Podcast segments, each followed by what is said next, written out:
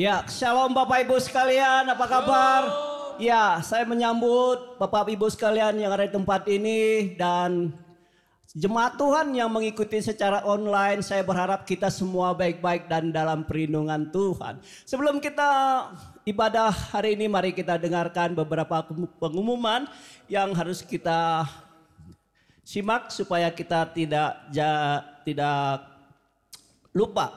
Yang pertama adalah Christmas, hari Natal yang akan dilakukan uh, pada tanggal 19 hari Selasa jam 7 malam yang dilakukan secara online dan Bapak Ibu sekalian yang ada di rumah maupun di tempat ini boleh mengikuti secara online dan linknya akan kita bagi melalui grup-grup yang sudah disediakan dan ataupun melalui WA daripada sekretariat.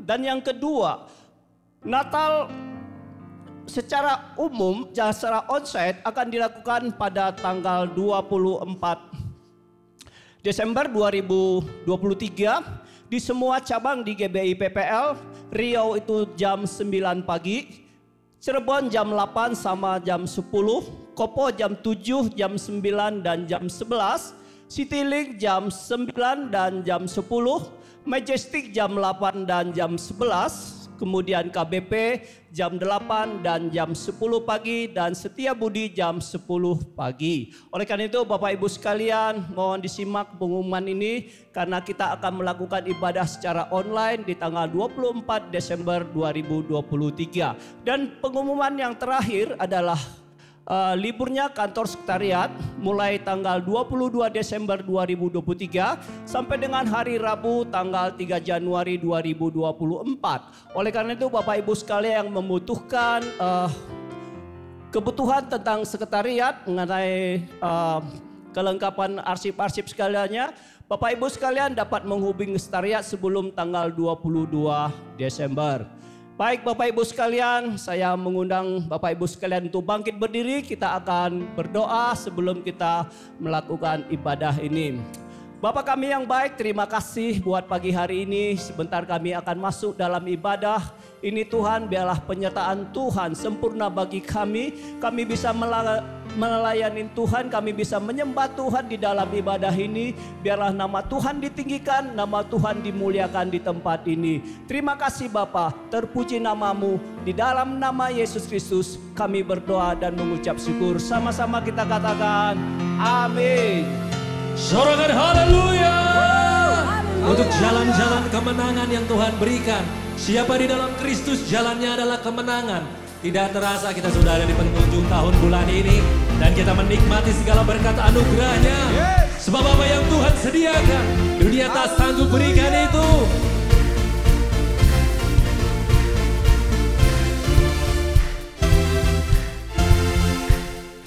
Dalammu ku temukan sukacita Dengar baik ini dunia tak sanggup berikan itu. Dunia takkan sanggup untuk berikan. Segala bebanku pun digantikan. Selama ku ada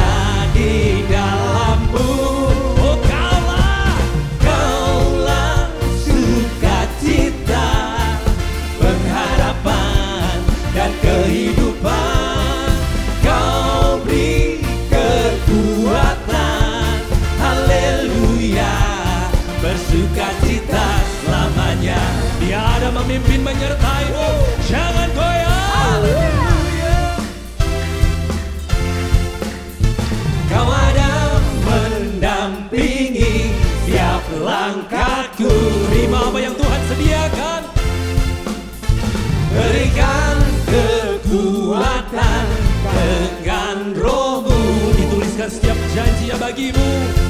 Janjimu yang telah menuliskan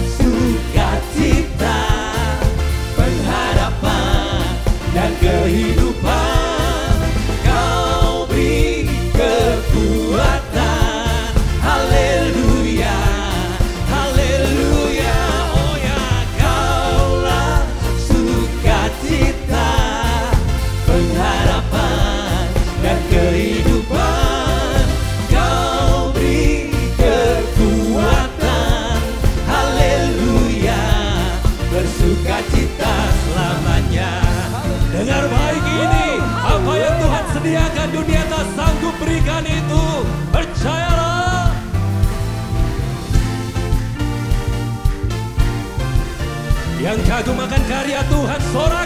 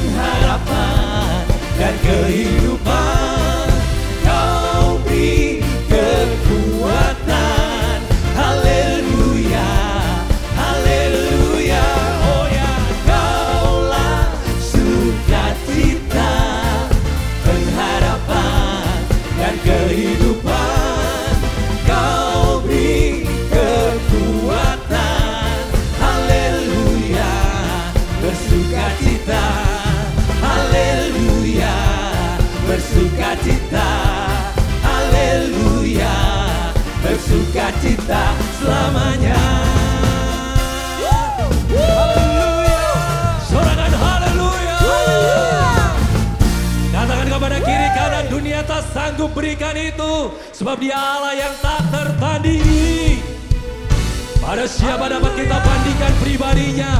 Jawabannya tidak ada. Ajaib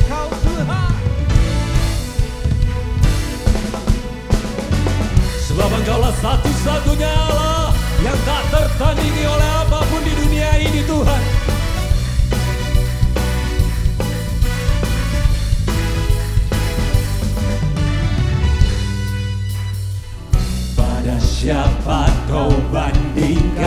Perbuatannya yang heran Dengan sepakat katakan Tak ada Hanya kerajaan pula. Kerajaannya yang terbesar Tak akan tergoyahkan. Mendengar nama Yesus semua musuh Semua musuh pun gemetar Mendengar namamu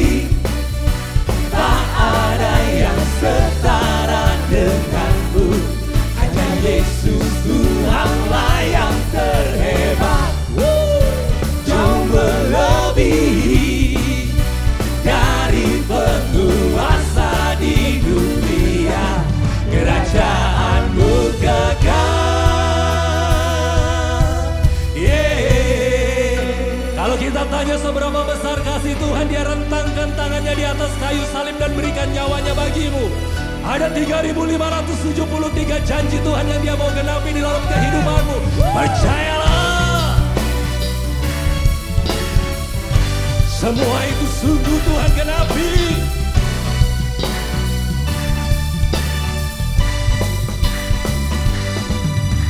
Sungguh tak tertandingi Tak ada yang setara denganmu. Hanya Yesus Tuhanlah yang terhebat. Jauh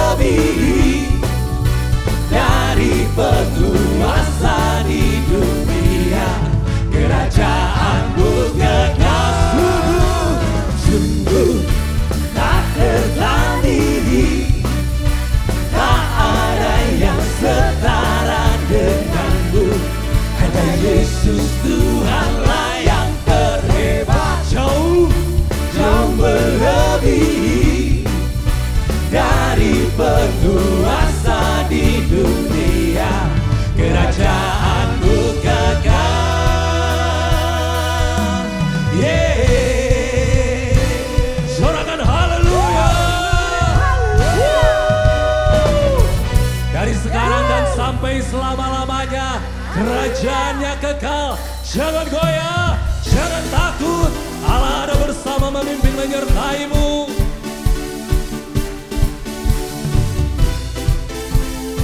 Asal engkau ada bersama kami takkan goyah Tuhan.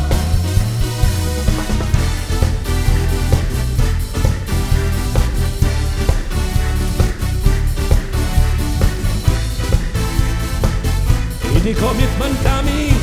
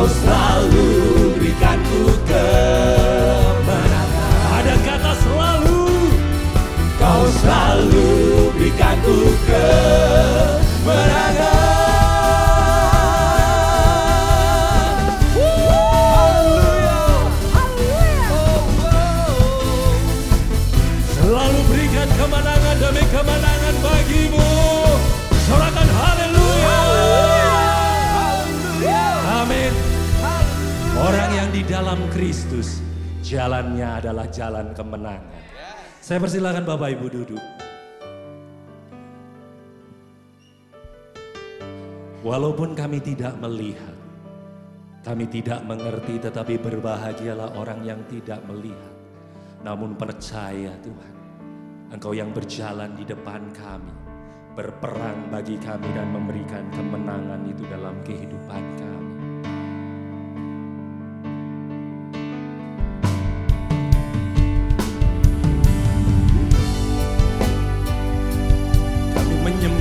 pribadimu yang ajaib, terkagum akan engkau ya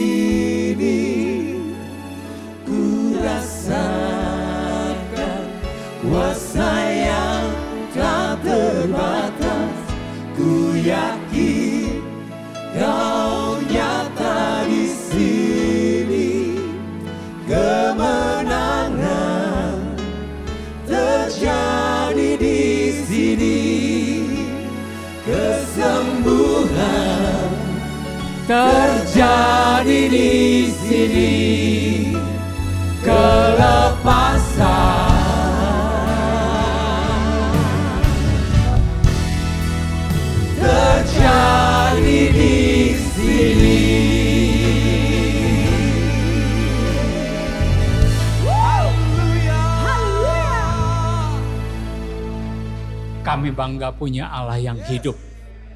Allah yang menghidupkan. Yang menjadi sumber kehidupan kami. Dan menjadi sumber kekuatan dan pengharapan kami. Terima kasih Tuhan Yesus. Pagi hari ini kami boleh bersekutu dengan Engkau. Kami percaya Engkau hadir di tengah-tengah kami. Engkau, per, engkau hadir dan bertata di atas pujian dan penyembahan kami. Kami yakin setiap kami yang mendengarkan firman Tuhan, setiap kami yang mengikuti ibadah lewat online, setiap kami yang hadir pada pagi hari ini, kemenangan itu sudah Engkau berikan bagi setiap kami. Terima kasih, urapi hambamu, urapi kami semua, sehingga ketika firman Tuhan ditaburkan, firman itu akan meneguhkan kami, menguatkan kami, untuk kami mengenal Kristus lebih dalam lagi Terima kasih Bapak di dalam nama Tuhan Yesus. Kami semua sudah berdoa dan mengucap syukur. Yang siap menerima berkat Tuhan, sama-sama kita katakan Amin. Amin. Silakan Bapak Ibu Saudaraku untuk duduk. Shalom semuanya dalam keadaan baik. Ya puji Tuhan. Hari-hari ini kita sedang menjalani hari-hari terakhir di tahun 2023 Berarti setelah 14 atau 15 hari ke depan kita akan memasuki tahun yang baru. Setiap kita memasuki tahun yang baru berarti usia kita pasti bertambah. Itu merupakan sesuatu yang tidak dapat kita hindari. Tetapi bertambah dewasa, bertambah matang di dalam pengenalan akan Tuhan adalah sebuah pilihan. Apakah kita mau menggenapinya atau tidak? Saudaraku, sepanjang tahun ini saya tentu setiap kali saya menyampaikan firman, saya pasti menyinggung tentang semakin mengenal Tuhan Yesus. Semakin bertumbuh, terus bertumbuh dan semakin mengenal Tuhan Yesus. Memang setelah kita punya iman, harus ada suplemen-suplemen yang membuat pengenalan kita semakin mengenal dia. Oleh sebab itu uh, untuk iman itu perlu ditambahkan kebajikan, pengetahuan, penguasaan diri, ketekunan, kesalehan, dan kasih kepada saudara dan juga kasih kepada semua orang. Nah kalau semua itu ada dengan berlimpah-limpah, maka pengenalan kita akan Tuhan akan berhasil. Nah pertanyaannya, sampai sejauh mana pengenalan setiap kita akan Kristus. Apakah sudah berhasil atau belum? Saudaraku, mengenal Kristus bukan hanya tahu firman, bukan hanya hafal ayat firman Tuhan, bukan hanya karena kita melayani Tuhan dan pekerjaannya, bukan hanya karena kita terlibat sebagai orang percaya, bukan hanya kita menjadi seorang sarjana teologi bukan hanya itu. Tetapi mengenal Tuhan Yesus adalah kita perlu mengerti. Kita perlu melakukan apa yang menjadi kehendak Allah. Yang baik dan yang sempurna dan yang berkenan kepada Tuhan. Jadi mengenal Kristus bukan karena hidup kita diberkati. Bukan karena profesi kita berhasil. Bukan karena kita punya pangkat yang tinggi, tetapi mengenal Kristus adalah yang terutama, saudaraku. Berbicara tentang menemukan kebenaran. Kemudian apa yang Tuhan Yesus ajarkan untuk kita lakukan agar keselamatan itu dapat diraih dan agar rencana Tuhan dapat digenapi buat hidup setiap kita. Nah oleh sebab itu saya percaya kita semua rindu pengenalan kita akan Kristus itu semakin hari semakin berhasil. Saudaraku, oleh sebab itu hari ini saya memberikan tema utama ciri utama orang yang mengenal Kristus dengan benar. Nah, Bapak Ibu Saudaraku, apa sih ciri utama orang yang mengenal Kristus dengan benar itu? Karena ada orang yang mengenal Kristus Kenalnya hanya percaya Tuhan Yesus sudah mati di kayu salib. Hanya percaya bahwa Tuhan Yesus sudah menanggung segala dosa-dosanya. Tetapi untuk mengenal Kristus dengan benar, saudaraku ada ciri utama. Ada beberapa ciri yang akan saya sampaikan pada pagi hari ini. Yang pertama orang itu mengikuti dan menuruti perintah-perintahnya. 1 Yohanes pasal yang kedua, ayat yang ketiga dikatakan demikian. Dan inilah tandanya bahwa kita mengenal Allah. Yaitu jikalau kita menuruti perintah-perintahnya. Jadi ciri utama daripada orang yang mengenal Kristus adalah mengikuti perintah-perintahnya. Yang setuju katakan amin. Kalau menuruti perintah-perintahnya. Perintah itu satu atau banyak saudaraku. Tunggal atau banyak, atau jamak. Jamak. Ada orang ya yang mengikuti perintah Tuhan itu hanya sebagian. Coba kita perhatikan, apakah kita sudah mengikuti semua perintah-perintahnya atau belum? Saudaraku, jadi menuruti perintah-perintahnya itu adalah taat atas semua perintahnya. Kata taat itu berarti tunduk. Taat berarti tidak ada pemberontakan di dalamnya. Saudaraku, taat ini mudah untuk diucapkan. Tetapi kadang-kadang sulit untuk melakukannya.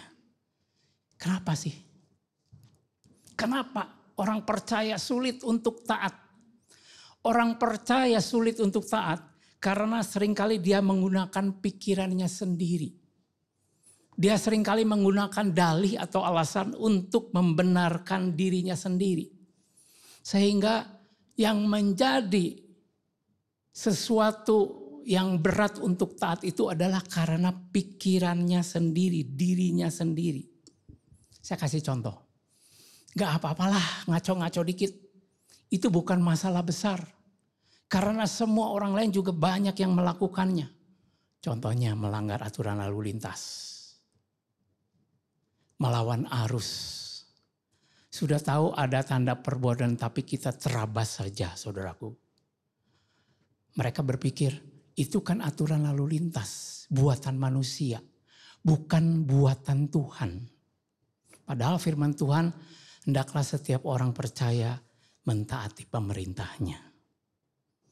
Saudaraku, masih banyak contoh-contoh yang lain. Enggak apa-apalah langgar aturan dikit-dikit. Nggak ada yang tahu. Nggak apa-apalah ngintip-ngintip situs pornografi. Nggak ada yang tahu. Orang lain juga banyak yang melakukannya. Nggak apa-apalah tipu-tipu dikit di dalam bisnis.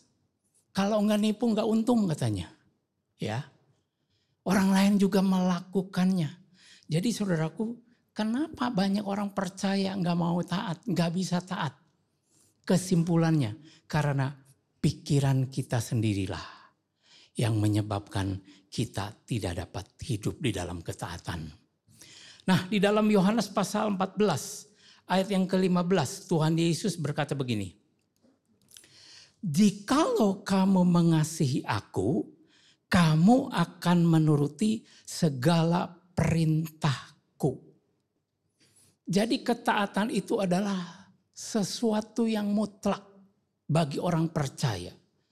Karena ketika seseorang taat, maka ketaatan itu membuktikan bahwa dirinya, diri orang itu sungguh-sungguh mengasihi Tuhan Yesus. Kemudian Tuhan Yesus berkata demikian, 1 Yohanes pasal yang kelima, ayat yang ketiga. Sebab inilah kasih kepada Allah, yaitu bahwa kita menuruti perintah-perintahnya perintah-perintahnya itu tidak berat. Banyak orang percaya berpikir begini, Pak, kalau untuk taat itu tidak mudah. Kenapa? Karena perintah Tuhan Yesus itu berat-berat. Nah kenapa? Banyak orang percaya sering kali berkata perintah Tuhan Yesus itu berat. Ada beberapa alasan. Kenapa banyak orang percaya berkata bahwa perintah Tuhan itu berat? Yang pertama karena dia tidak mau bayar harga. Banyak orang percaya berkata, oh perintah Tuhan itu berat karena dia tidak mau berkorban. Dia tidak mau mengikuti apa yang Tuhan Yesus inginkan. Tapi dia mau mengikuti keinginannya sendiri. Kemudian orang itu berkata perintah Tuhan Yesus itu berat karena tidak mau menyangkal diri. mematikan kedagingannya dan mau mengikuti kehendak Roh Kudus. Banyak orang percaya mengatakan bahwa perintah Tuhan Yesus itu berat karena fokusnya kepada diri sendiri, bukan fokus kepada Tuhan Yesus. Nah, Bapak, Ibu dan Saudaraku, saya ingin sampaikan ketika kita menjadi orang yang taat, sebetulnya itu akan menguntungkan buat kita. Kalau kita ambil contoh di dalam Alkitab, Nuh taat kepada perintah Allah. Ketika Nuh disuruh membuat batera panjangnya 300 hasta, lebarnya 50 hasta, tingginya 30 hasta. Dan ketika Nuh membuat batera itu bukan di pinggir laut, bukan di pinggir danau. Tapi dia membuatnya di atas bukit. Tentu ditertawakan oleh banyak orang. Sekalipun Nuh membuat perahu dan ditertawakan oleh banyak orang, dia tetap taat melakukan perintah Allah. Akibatnya apa? Ketika air bah datang, Nuh dan seluruh keluarganya diselamatkan. Saudaraku, demikian juga Petrus dan kawan-kawan. Ketika dia sepanjang hari sudah mencoba menangkap ikan. Tetapi dia tidak mendapatkan apa-apa. Tapi ketika Tuhan Yesus menyuruh pergi ke tempat yang lebih dalam. Petrus berkata, karena engkau menyuruhnya, maka aku akan melakukannya. Ketika Petrus dan kawan-kawan taat akan perintah Tuhan Yesus, saudaraku, ternyata begitu banyak ikan yang bisa ditangkap. Jadi sebetulnya ketaatan itu kalau kita taat kepada semua perintah Tuhan, itu akan menguntungkan buat kita sendiri. Amin. Saya percaya ketika kita menjadi orang yang taat, itu pasti akan menyenangkan Tuhan dan pasti akan menyenangkan orang-orang di sekitar kita. Termasuk atasan kita. Saudaraku, seorang guru lebih senang kepada murid yang taat daripada murid yang pandai tapi suka memberontak. Seorang majikan lebih senang kepada karyawan yang taat daripada karyawan yang cerdas tapi tidak pernah mau taat atas perintah tuannya. Saudaraku, seorang katakanlah orang tua pasti kalau misalnya punya banyak anak, dia pasti akan lebih menyenangi anak yang taat dan mengikuti perintah perkataan orang tuanya daripada anak yang pandai ya cerdas tapi selalu memberontak kepada orang tuanya. Oleh sebab itu saudaraku ketika kita menjadi manusia saudaraku taatlah kepada orang-orang di sekitar kita. Taatlah kepada Tuhan yang paling utama. Seorang laki-laki kalau mau cari, mau cari istri cari yang cantik tapi karakternya buruk atau cari yang biasa-biasa saja tapi karakternya baik. Pilih mana? Pak kalau bisa sih cantik, karakternya baik. Saudaraku tidak mudah mendapatkannya. Pasti ada kekurangan. Tapi kalau kita punya suami yang takut akan Tuhan, punya istri yang taat kepada suami dan juga taat kepada Tuhan, pasti suasana surgawi ada dalam rumah tangga itu. Amin. Kalau saya saksikan ya, kenapa saya bisa menjadi seorang hamba Tuhan? Saudara kuncinya, saya hanya taat kepada Tuhan Yesus. Dan sa saya ini orang yang taat kepada atasan saya. Saya tidak suka memberontak kepada almarhum Pak David Cakra dan saya juga tidak suka memberontak kepada almarhum Pak Sutikno. Ketika saya menjadi orang yang taat, mereka mempercayakan segala sesuatu dari hal-hal yang kecil. Dan akhirnya ke hal-hal yang lebih besar. Dan akhirnya saya bisa menjadi seorang hamba Tuhan. Ada seseorang yang berkata begini, bagaimana kita bisa taat kepada yang tidak kelihatan? yaitu Tuhan. Kalau yang kelihatan saja kita tidak bisa mentaatinya. Coba kita renungkan sebentar. Selama kita menjalani kehidupan tahun 2023 ini, sejauh mana ketaatan kita akan Tuhan. Berikutnya lagi, ciri utama daripada orang yang mengenal Kristus dengan benar adalah orang itu tidak akan hidup di dalam dosa. Orang yang mengenal Tuhan Yesus dengan benar, dia sadar bahwa Tuhan itu bukan membenci orangnya, tetapi Tuhan itu membenci dosa yang diperbuatnya. Yang setuju katakan amin. Oleh sebab itu ketika kita mengenal Tuhan Yesus dengan benar, pasti kita meninggalkan dosa yang selama ini kita geluti. Selama ini kita tinggal di dalamnya. Nah di dalam 1 Petrus pasal yang ke-1 ayat yang ke-16 dikatakan demikian. Sebab ada tertulis, kuduslah kamu sebab aku kudus.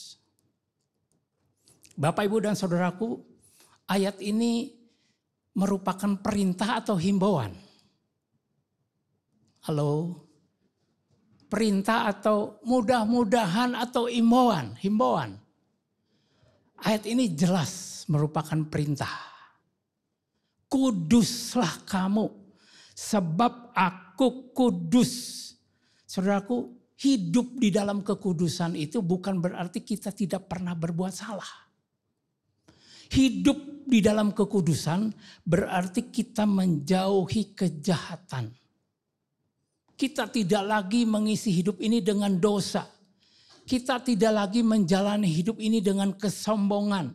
Kita tidak lagi menjalani hidup ini dengan tidak lagi, saudaraku, tidak menghormati Tuhan. Tapi hidup kudus adalah hidup menghormati Tuhan dan hidup menghargai Tuhan. Dengan demikian akan terjadi perubahan perilaku dalam hidup setiap kita. Nah, ciri utama daripada orang yang mengenal Kristus dengan benar adalah orang itu meninggalkan dosanya. Amin. Ini ada sebuah kisah, saudaraku. Ada seseorang yang cukup dikenal, ya. Hidupnya sangat kasar. Suka melakukan KDRT, kekerasan dalam rumah tangga. Suka minum minuman keras suka berkelahi. Akibatnya sering ditangkap polisi dan berurusan dengan polisi. Nah satu saat si orang ini memang sudah punya istri. Istrinya mengajak untuk mengikuti sebuah KKR. Nah istrinya tahu bahwa suaminya pasti tidak akan ikut KKR. Tetapi karena dia sebagai suami mau mengantar istrinya datang ke KKR itu si suami memparkir mobilnya di halaman tempat KKR. Kemudian istrinya masuk ke dalam mengikuti dalam KKR itu. Ternyata saudaraku KKR itu dilayani oleh Billy Graham. Si suami parkir mobil di depan, saudaraku, sambil minum minuman keras, mungkin sekalian makan kacang. Kalau zaman sekarang mungkin buka situs pornografi. Saudaraku, sementara KKR itu berlangsung karena tempatnya besar, kemudian disediakan speaker-speaker yang kuat yang suara suaranya kencang, sehingga sang suami yang ada di dalam mobil, dia bisa mendengar khotbah daripada Billy Graham. Ketika dia bertobat, dia berkata, berkata begini, ketika Billy Graham berkhotbah, saya seperti ditelanjangi oleh perkataan Billy Graham. Nah, di dalam mobil dia mendengarkan khotbah itu. Biasanya Billy Graham ketika melakukan KKR, maka dia menantang banyak orang yang mau terima Yesus untuk maju ke depan. Ketika itu orang itu, saudaraku, karena di dalam mobil dia tidak dia tidak tidak maju ke depan. Tapi dia mendengarkan apa yang menjadi perkataan daripada Billy Graham. Kemudian ketika Billy Graham menyuruh mengangkat tangan jemaat yang dilayaninya oleh stafnya, saudaraku, orang ini juga mengangkat tangan. Dia menangis terseduh-seduh.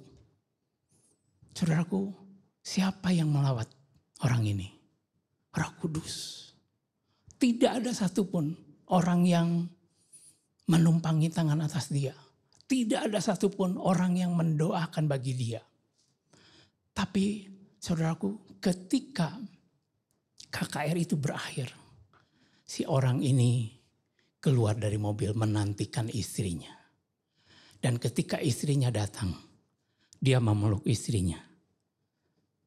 Dia berkata, ampuni saya, ampuni saya. Karena selama ini saya sudah banyak berdosa kepada Tuhan. Saya sudah melakukan banyak dosa buat kamu, kepada kamu. Nah saudaraku, pendek kata akhirnya orang ini bertobat.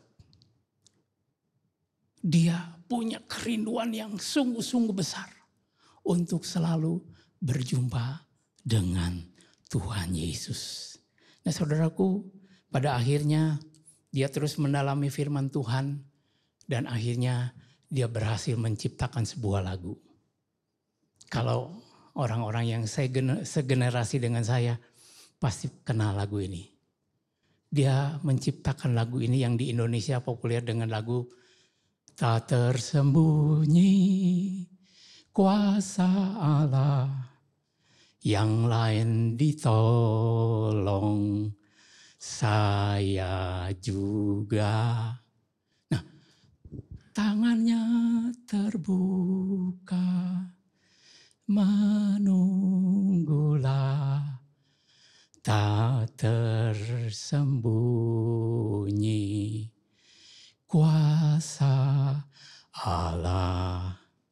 Nah, Bapak, Ibu, dan Saudaraku, orang ini baru saja bertobat, mendengar firman Tuhan, kemudian hidupnya berubah. Dia tidak lagi tinggal di dalam dosa. Dia sungguh-sungguh memberikan dirinya menjadi alat Tuhan. Dia sungguh-sungguh hidupnya memuliakan Tuhan. Bagaimana dengan kita? Masih adakah kita yang mungkin setiap minggu tinggal katakanlah hadir di gereja. Setiap minggu kita mendengarkan firman Tuhan. Setiap minggu kita mungkin buka YouTube tentang kebenaran firman Tuhan. Tapi kata Pak Sutikno hari Minggu bertobat, hari Senin sampai hari Sabtu kumat. Alias Kristen tomat. Bagaimana dengan kita? Saudara kita perlu belajar bahwa kalau kita mau mengenal Tuhan Yesus dengan benar, dosa apa pun harus kita tinggalkan. Yang setuju katakan amin. Saudaraku, bertobat itu apa sih? Bertobat itu artinya kita bertanggung jawab atas dosa yang pernah kita buat. Bertobat itu artinya kita menjauhkan diri dan meninggalkan dosa-dosa yang kita perbuat. Bertobat itu berpaling 180 derajat kepada Tuhan. Jadi kalau misalnya di sana dosa, di sana Tuhan, saudaraku. Dulu kita berpaling ke dosa, tetapi setelah bertobat kita berpaling kepada Tuhan. Dan kita membelakangi dosa. Kita tidak pernah berbuat dosa. Bertobat itu berpaling kepada Tuhan bukan 90 derajat. Kalau 90 derajat di sana dosa, di sana Tuhan.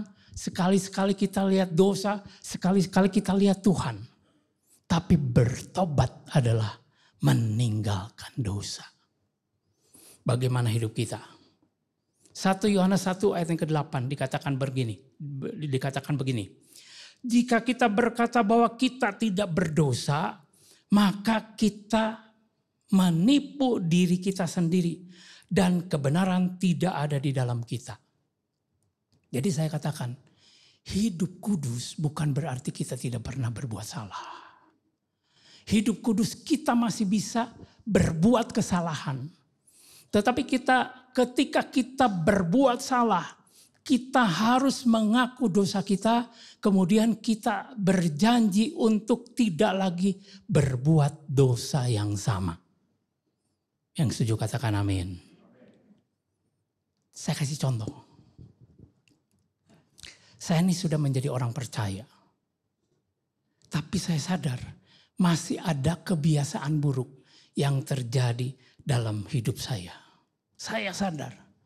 Nah sebetulnya saya sedang menipu diri saya sendiri. Kenapa? Karena saya tahu bahwa saya sudah dibenarkan, tetapi saya masih menghidupi dosa itu. Kapan kita, kapan saya tidak lagi menipu diri saya sendiri? Jawabannya, ketika saya meninggalkan kebiasaan buruk itu. Bapak, Ibu, dan Saudaraku, ketika kita tahu bahwa kita diperintahkan oleh Tuhan, kuduslah kamu sebab aku kudus. Sekali lagi, bukan berarti kita tidak pernah berbuat dosa.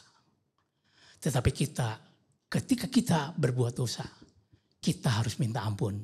Dan kita tidak lagi berbuat dosa yang sama. Yang setuju katakan amin. Nah yang ketiga, ciri orang yang mengenal Kristus dengan benar. Orang itu akan hidup di dalam kasih. Apa sih artinya hidup di dalam kasih? Hidup di dalam kasih artinya yang pertama adalah mempraktekkan kasih. Mempraktekkan kasih kepada Allah dan kasih kepada sesama. Kita semua tahu bahwa Tuhan Yesus mengatakan hukum yang terutama dan yang pertama itu adalah mengasihi Tuhan dengan segenap hati, dengan segenap kekuatan, dengan segenap jiwa. Dan yang sama dengan itu adalah mengasihi sesama seperti kita mengasihi diri kita sendiri. Banyak orang yang belum mempraktekkan itu dengan lengkap. Saya ingin sampaikan, Orang yang mengasihi Tuhan Yesus dengan segenap hati, dia pasti akan mengasihi sesamanya. Yang setuju katakan amin. Orang yang mengasihi Tuhan Yesus dengan segenap hati, dia pasti akan melayani Tuhan Yesus. Tetapi orang yang melayani Tuhan Yesus belum tentu mengasihi Tuhan dengan segenap hati maksud saya melayani pekerjaan Tuhan yang terlibat di dalam pelayanan belum tentu mengasihi Tuhan Yesus dengan segenap hati. 1 Yohanes 4 ayat yang ke-8 berkata demikian. Barang siapa tidak mengasihi, perhatikan baik-baik. Kalau kita tidak mengasihi, ia tidak mengenal Allah. Sebab Allah adalah kasih. Jadi hidup di dalam kasih yaitu membagikan kasih Allah yang sudah dialami di dalam hidupnya kepada orang-orang di sekitarnya. Dengan kata lain, dia tidak ragu-ragu untuk bersaksi, dia tidak ragu-ragu untuk memuliakan Tuhan di dalam kehidupannya. Nah, saudaraku, yang penting juga ketika kita hidup di dalam kasih, yaitu menjalani hidup tanpa ketakutan. Kita tahu tahun 2024 adalah tahun yang penuh dengan ketidakpastian. Mungkin Bapak dan Ibu bingung, nanti kita pilih presiden siapa? Karena berbagai-bagai keterangan, berbagai-bagai informasi hari-hari ini sedang mengacaukan atau membingungkan pikiran banyak orang. Saudaraku, saya percaya tahun 2024 ini kita akan diperhadapkan kepada sebuah situasi yang penuh dengan ketidakpastian. Kalau si A menang bagaimana? Kalau si B menang bagaimana? Apakah negara kita tetap aman Apakah tidak terjadi kekacauan? Apakah tidak terjadi kerusuhan? Pertanyaannya, dengan situasi ini, apakah kita perlu menjadi takut? Saudaraku, firman Tuhan 1 Yohanes 4 ayat ke-18 dikatakan demikian. Di dalam kasih tidak ada ketakutan. Kasih yang sempurna melenyapkan ketakutan. Sebab ketakutan mengandung hukuman dan barang siapa takut ia tidak sempurna dalam kasih. Jadi kalau kita hidup di dalam kasih, seharusnya Bapak dan Ibu dan saudaraku semuanya, kita tidak boleh hidup di dalam ketakutan. Betul? Kenapa? Karena Tuhan Yesus mengasihi kita dengan sempurna. Jadi kalau kita masih ada rasa takut, berarti kita belum mengalami kasih yang sempurna dalam hidup setiap kita. Kalau kita yakin bahwa Tuhan Yesus mengasihi kita dengan sempurna, dia pasti akan membela kita. Dia pasti akan menolong kita. Dia pasti akan membukakan jalan buat kita. Dia pasti akan menuntun seluruh kehidupan kita. Dia pasti akan mengendalikan dan menguasai seluruh perjalanan hidup kita. Yang setuju katakan amin. Jadi saudaraku, orang yang merasa takut sebetulnya dia belum mengalami kasih yang sempurna itu. Dia belum menikmati kasih Kristus yang sempurna itu. Apalagi kalau takut mati saudaraku. Nanti kalau saya mati masuk surga, masuk neraka. Karena ketakutan itu mengandung hukuman. Kalau kita mengenal Kristus dengan baik, dengan sungguh-sungguh, dengan benar, saudara, yang namanya kematian pun tidak akan menakutkan buat kita semuanya. Yang setuju katakan amin. Yohanes 14 ayat 21. Barang siapa memegang perintahku dan melakukannya, dialah yang mengasihi aku. Dan barang siapa mengasihi aku, ia akan dikasihi oleh Bapakku dan aku pun akan mengasihi dia dan akan menyatakan diriku kepadanya. Barang siapa memegang, ini perkataan Tuhan Yesus. Barang siapa memegang perintah Tuhan Yesus dan melakukannya, maka Tuhan Yesus pun akan menyatakan dirinya kepada orang itu. Pernyataan Tuhan Yesus itu dalam bentuk apa? Buat kita semuanya. Saudaraku, Tuhan Yesus menyatakan dirinya. Dia akan menolong kita semuanya. Dia akan memberikan perlindungan buat kita semuanya. Dia akan menyatakan berkat buat kita semuanya. Dia akan memberikan tuntunan dan hikmat buat kita. Sehingga apa pun yang kita jalani dalam hidup ini, kita tidak akan mengisinya dengan ketakutan. Oleh sebab itu, janganlah takut menghadapi kehidupan. Amin. Tuhan Yesus berkata, sebab itu janganlah kamu khawatir dan berkata apakah yang akan kamu makan? Apakah yang akan aku makan? Apakah yang akan akan aku minum? apakah yang akan kami pakai? Semua itu dicari bangsa-bangsa yang tidak mengenal Allah. Saudaraku, orang yang tidak mengenal Allah, yang dicari adalah kebutuhan jasmani. Tapi Tuhan Yesus berkata begini, saudaraku, akan tetapi Bapamu yang di surga tahu bahwa kamu bahwa kamu memerlukan semuanya itu. Artinya dalam situasi apa pun Tuhan Yesus akan memenuhi semua keperluan kita. Amin. Oleh sebab itu takut boleh. Tapi jangan tenggelam dalam ketakutan. Takut itu manusiawi. Tapi sekali lagi jangan tenggelam di dalam ketakutan. Akhirnya menjalani akhir daripada tahun 2023 ini, mari kita koreksi diri kita masing-masing.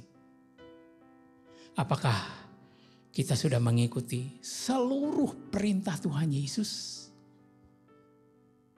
Atau masih sebagian? Marilah kita koreksi. Apakah kita masih tinggal di dalam dosa? Masih adakah dosa yang masih kita nikmati? Ataukah kita sudah menghadapkan hidup kita kepada Tuhan? Dan terakhir, sudahkah kita hidup di dalam kasih? Kasih kepada Tuhan, kasih kepada sesama. Masih adakah di antara kita yang masih benci kepada pasangan hidupnya? Masih menaruh dendam kepada orang-orang di sekitar kita? Mari, tinggalkan semuanya itu. Mari kita bertekad mengenal Tuhan lebih dalam lagi. Dan kami percaya hidup kita akan semakin berkenan di hadapan Tuhan. Dan ku ingin mengenalmu Tuhan. Lebih dalam dari semua yang ku kenal.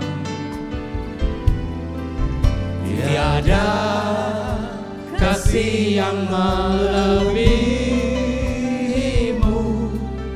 Ku ada untuk menjadi penyembahmu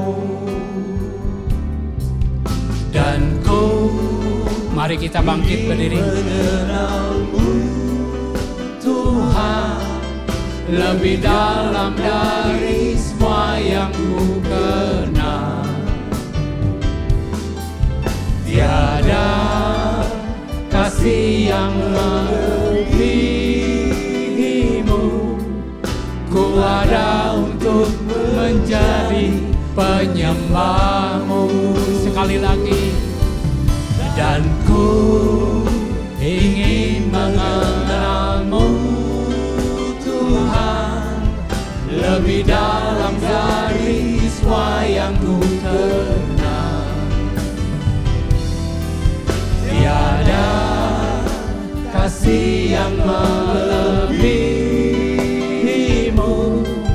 Ku ada untuk menjadi penyembahmu ada untuk menjadi penyembahmu Ku ada untuk menjadi penyembahmu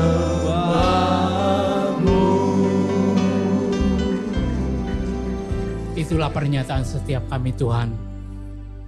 Kerinduan setiap kami, kami ingin mengenal Engkau lebih dalam lagi. Dan kami sadar ketika kami ada di dalam dunia ini, kami boleh menjadi penyembah Tuhan. Dan ketika kami menyembah Engkau lebih dalam lagi, lebih sungguh-sungguh lagi, kami akan mengenal apa yang menjadi keinginanmu. Kami akan mengenal apa yang menyenangkanmu ya Tuhan. Hambamu selesai berbicara, biarlah firman yang kami dengar boleh menjadi kekuatan bagi setiap kami. Dan kami percaya firman yang kami dengar tidak akan kembali dengan sia-sia. Tetapi berakar, bertumbuh dan berbuah lebat dalam hidup setiap kami. Hari ini yang lemah dikuatkan. Yang miskin diperkaya. Yang terikat dilepaskan di dalam nama Tuhan Yesus. Tuhan Yesus, kami mengucap syukur untuk setiap jemaat yang sudah memberikan persembahan bagi keberadaan gereja PPL ini Tuhan. Kami berdoa Tuhan, apa yang mereka lakukan semuanya diperhitungkan oleh Tuhan. Kami juga berdoa buat jemaat yang beribadah di rumah secara online. Mereka juga mengalami jamahan Tuhan di dalam nama Tuhan Yesus. Mereka juga akan semakin mengenal Tuhan lebih dalam lagi. Tak lupa kami berdoa bagi bangsa dan negara kami. Kami percaya Indonesia ada di dalam tanganmu. Indonesia ada di dalam hatimu. Indonesia ada dalam pikiranmu Tuhan. Kami berdoa untuk pemilu yang akan diadakan bulan Februari di tahun yang akan datang. Kami percaya campur tangan Allah bekerja di dalamnya. Kami juga percaya seluruh pemerintahan yang ada, yang kejam sekalipun, itu semuanya adalah seizin tangan Tuhan. Terima kasih Tuhan. Kami mengucap syukur untuk semuanya.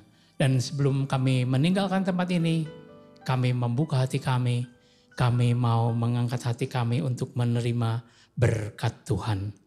Bapak, Ibu, dan Saudaraku, terimalah dengan iman berkat sukacita, damai sejahtera yang berlimpah-limpah dari Allah Bapa kita melalui kasihnya yang sempurna Tuhan kita Yesus Kristus dan persekutuan yang manis dengan Roh Kudus senantiasa menyertai kita semua. Mulai saat ini sampai Maranatha, bahkan sampai selama-lamanya. Yang sudah menerimanya sama-sama kita katakan. Amin. Amin. Selamat pagi, Tuhan memberkati. Bapak Ibu ibadah telah selesai, Bapak dapat meninggalkan ruangan itu, pintu dapat sebelah sini dan ruangan ini. Bagi Bapak Ibu ini